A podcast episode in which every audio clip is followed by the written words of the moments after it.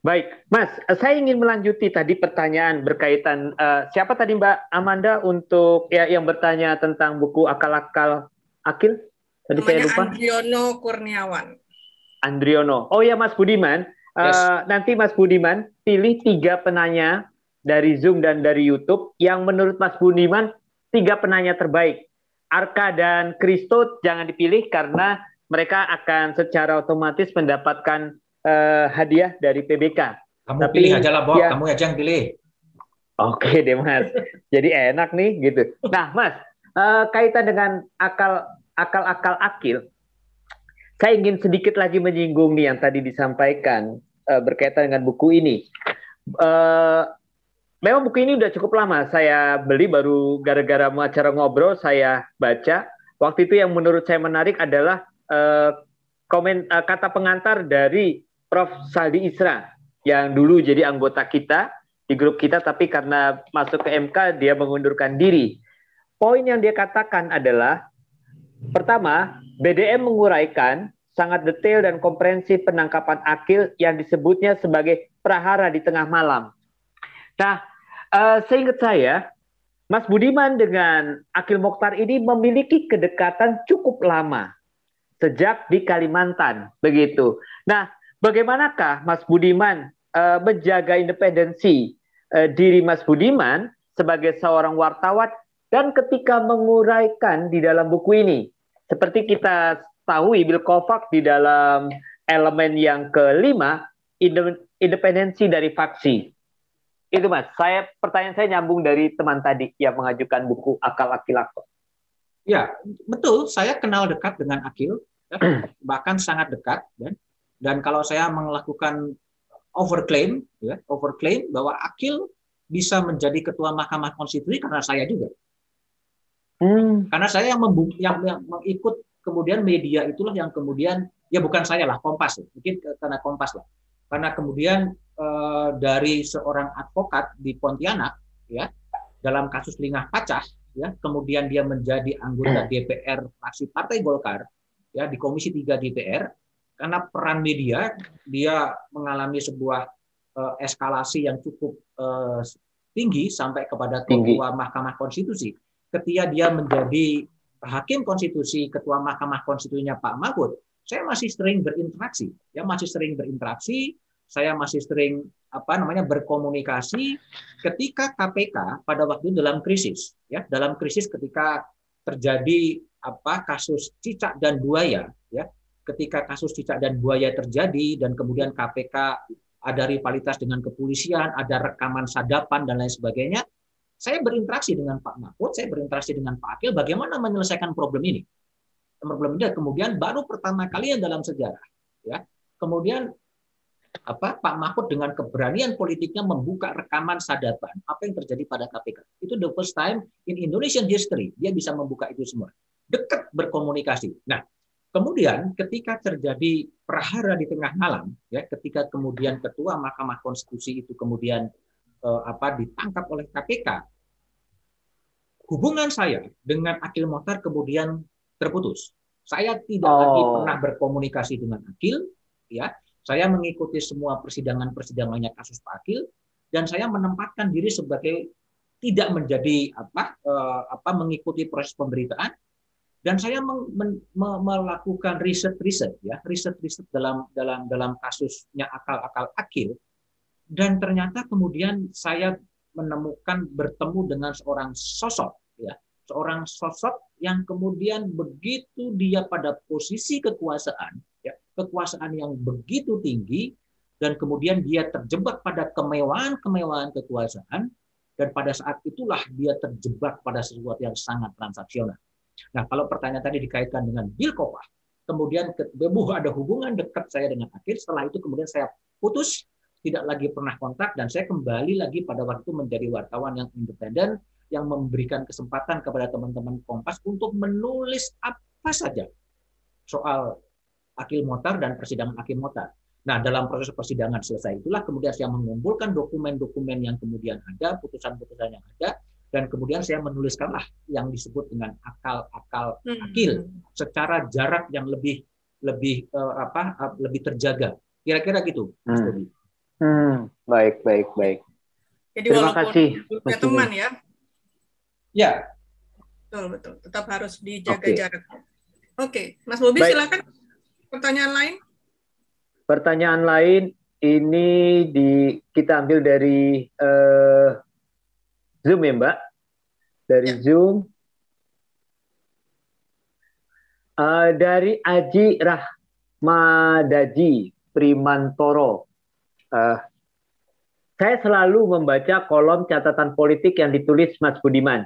Bagaimana cara memilih tema yang berbobot dan bagaimana mendapat datanya yang terlalu banyak lalu merangkumnya.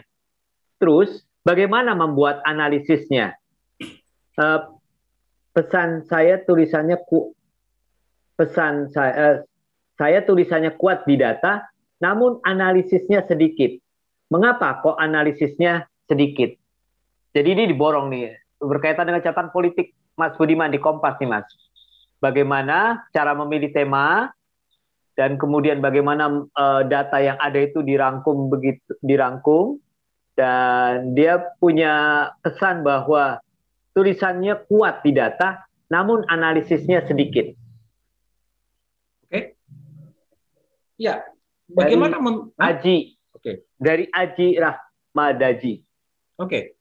Jadi begini, eh, bagaimana saya memilih memilih memilih tema? Ya termasuk saya akan menulis kolom untuk hari Sabtu. Saya juga belum tahu temanya apa. Temanya begitu hmm. begitu banyak, ya. Temanya begitu banyak yang berseliweran di apa? Di di di di di, di lapangan. Saya juga harus berpikirkan saya harus mengulas apa untuk YouTube saya. Ya. Itu kan ya saya juga harus mengulas apa nanti untuk satu meja di hari Rabu untuk harian Kompas saya uh, apa uh, menulis seperti apa. Yang saya kerjakan adalah kadang-kadang saya ketika tadi mungkin istilahnya arka ya, kadang-kadang blank gitu, bukan blank, banyak tema, saya kadang nge-tweet ya. Saya kadang nge-tweet, saya kadang pakai menggunakan Instagram ya, saya kadang-kadang menggunakan Facebook saya dan saya juga kadang-kadang melihat kepada uh, apa uh, Google Trend ya, Google Trend yang sedang yang ada apa dan kemudian saya mencoba dibantu dengan instrumen-instrumen digital untuk saya menulis kemudian tema. Temanya apa yang akan saya tulis? Itu satu, satu langkah. Yang kedua, saya bergaul dan berkomunikasi dengan banyak orang. Berkomunikasi dengan banyak orang untuk menangkap sebetulnya apa yang sedang menjadi kegelisahan dari orang-orang itu.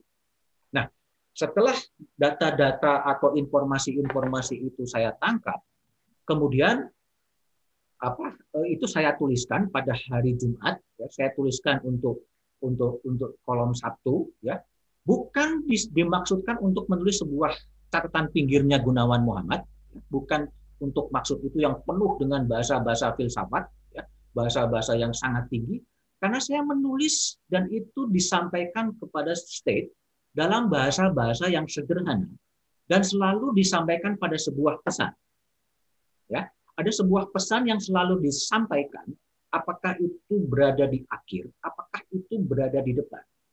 Kenapa pola itu yang saya saya pakai? Karena saya berhadapan dengan kekuasaan yang seperti apa sih sebetulnya. Nah, ini saya katakan tadi, ketika menulisnya pada era Pak Habibie, ketika menulisnya pada era Ibu Mega, dan pada era Gus Dur, pada era SBY, dan pada era Pak Jokowi, ini harus bagi saya pengalaman pribadi saya, saya harus menyesuaikan dengan karakter-karakter kekuasaan yang ada. Nah, hmm. sehingga tadi pertanyaan mengapa analisisnya tidak ada dan tidak ada sangat-sangat apa uh, uh, kurang dalam analisis. Ya pertama tadi saya harus ber, ber, ber, menulis untuk dengan karakter kekuasaan yang memang sebagian besar ya sebagian besar ya tidak membutuhkan analisis yang terlalu jelimet. Menulis tidak perlu membuat analisis terlalu jelimet, ya straight to the point. Kan saya harus menyesuaikan dengan karakter-karakter pembaca dan karakter-karakter yang ada, sehingga itulah yang kemudian saya kerjakan. Sehingga betul analisisnya tidak terlalu mendalam. Lain halnya, kalau saya kemudian harus menulis white paper ya soal pemberantasan korupsi yang ada, itu akan dipengaruhi dengan data dan dipengaruhi dengan analisis apa pun dan kemudian kesimpulan. Nah, saya menulis kolom berdasarkan sebuah reaksi respon saya secara politik ya respon secara politik terhadap kondisi kekinian. Nah, inilah yang menjadi sebuah sebuah apa sebuah uh, refleksi saya bahwa apa yang saya suarakan di satu meja the forum ya apa yang saya sampaikan melalui kanal YouTube saya apa yang saya tulis dalam kolom saya ada respon politik saya terhadap realitas yang ada itu adalah sebuah laku politik saya posisi moral politik saya terhadap kekuasaan terhadap realitas sehingga dalam konteks itulah analisis yang terlalu berkedalaman ya mungkin tidak terlalu penting selain kepada ada keterbatasan space dan lain sebagainya. Nah, di era yang seperti sekarang, analisis yang terlalu mendalam itu menjadi wilayah-wilayahnya Menara Gading kampus, dan saya tidak menulis untuk komunitas kampus. Nah, itu yang mungkin menjadi uh, alasan menjawab pertanyaan tadi. Kira-kira gitu, Mas Bobi dan Amanda. Ya, berarti harus sesuai dengan uh, apa? Untuk siapa tulisan itu gitu ya, Mas ya? Ya, kalau saya. Ya, ya, ya. Oke. Nah, ini tadi menarik nih, Mas. Uh, kenapa kok sebenarnya ada pertanyaan yang sama dengan pertanyaan saya dari swasta Priyambada. Bagaimana Mas Budiman dari jurusan teknik nuklir bisa menjadi analisis analis politik? Apa tidak ada keraguan sebelumnya? Bahkan swasta bilang saya kira jurusan S1-nya dulu sospol Mas katanya. Apa Mas yang membuat Mas Budiman kok jadi tertarik dengan politik dan hukum? Oh gini, Tadi saya katakan ya, saya katakan eh, apa yang saya yang terjadi pada diri saya sekarang ini adalah sebuah refleksi pengalaman-pengalaman batin saya, ya pengalaman-pengalaman saya ketika saya masih mahasiswa dari apa eh, kehidupan yang sangat-sangat kere, ya sangat-sangat saya harus survive dengan keadaan. Kemudian saya menjadi wartawan itu, kemudian saya bisa menyuarakan orang-orang yang tidak bisa bersuara. Ya. Dan dari situlah kemudian saya menangkap nuansa-nuansa ketidakadilan yang kemudian terjadi. Ya. Dan itulah yang selalu kalau membaca kolom-kolom saya di simpang jalan, itu adalah saya menungkapkan kegelisahan-kegelisahan saya terhadap kondisi bangsa ini. Sehingga kalau ditanyakan apakah dari teknik nuklir, kemudian apa namanya Eh, saya menjadi wartawan, kenapa tidak menjadi sosial politik? Kenapa saya dulu masuk teknik nuklir? Yang pertama, dulu orang menganggap bahwa teknik nuklir ya itu adalah sesuatu yang sulit. Nah, saya mengatakan kalau sulit, mengapa saya tidak coba? Dan saya berhasil di sisi itu. Saya berhasil di sisi itu. Nah, ketika saya dengan logika-logika sains saya, dengan logika-logika teknologi saya, saya bisa menganalisis realitas-realitas empirik sosial dengan logika-logika logika-logika teknik saya. Nah, dari situlah kemudian ada mentoring-mentoring saya. Ya. Dari mentoring-mentoring saya, even di dalam Kompas maupun di luar Kompas, yang mengasah bagaimana perasaan saya soal keadilan. Ya, yang pertama adalah almarhum AM Dewa Brata, ya, dia yang kemudian mengundang saya, mengundang balik ke Jakarta ketika saya menjadi wartawan Kompas di Ambon untuk balik ke Jakarta untuk kemudian menulis soal kasus-kasus hukum dan kasus-kasus yang berkaitan dengan hak asasi manusia. Di situlah kemudian nurani saya, empati saya tumbuh terhadap orang-orang yang tidak beruntung di Republik ini. Sehingga kembali saya katakan, semua tulisan-tulisan saya, baik di YouTube, baik di podcast, baik di satu media, adalah respon-respon saya terhadap situasi seperti ini. Nah, kemudian satu hal yang meng, meng, meng, mengasah naluri jurnalistik saya pada waktu itu adalah ketika saya berada di teknik nuklir dan saya menulis ya menulis untuk hidup kemudian saya mempelajari mempelajari disiplin jurnalisme di LP3I di lembaga hmm. lembaganya Asadi Siregar saya belajar jurnalistik di sana. Saya belajar jurnalistik di, di sana dan saya mencoba mendalami berbagai permasalahan sosial dengan disiplin ilmu yang yang beragam dan kemudian itulah kemudian muncul. Nah untuk menambah keilmuan-keilmuan yang tadi, kembali lagi disiplin saya tidak tidak linear dari dari seorang engineer teknologi reaktor, kemudian saya belajar ilmu politik, ya, belajar ilmu politik di UI dan saya kembali lagi menulis soal isu-isu yang berkaitan dengan hak asasi manusia. Pengalaman-pengalaman empirik inilah yang kemudian uh, memberikan karakter dan warna yang tercermin dalam uh, kumpulan kolom-kolom saya dalam dalam simpang jalan. Jadi itulah sebenarnya kan kan selalu ada challenge and response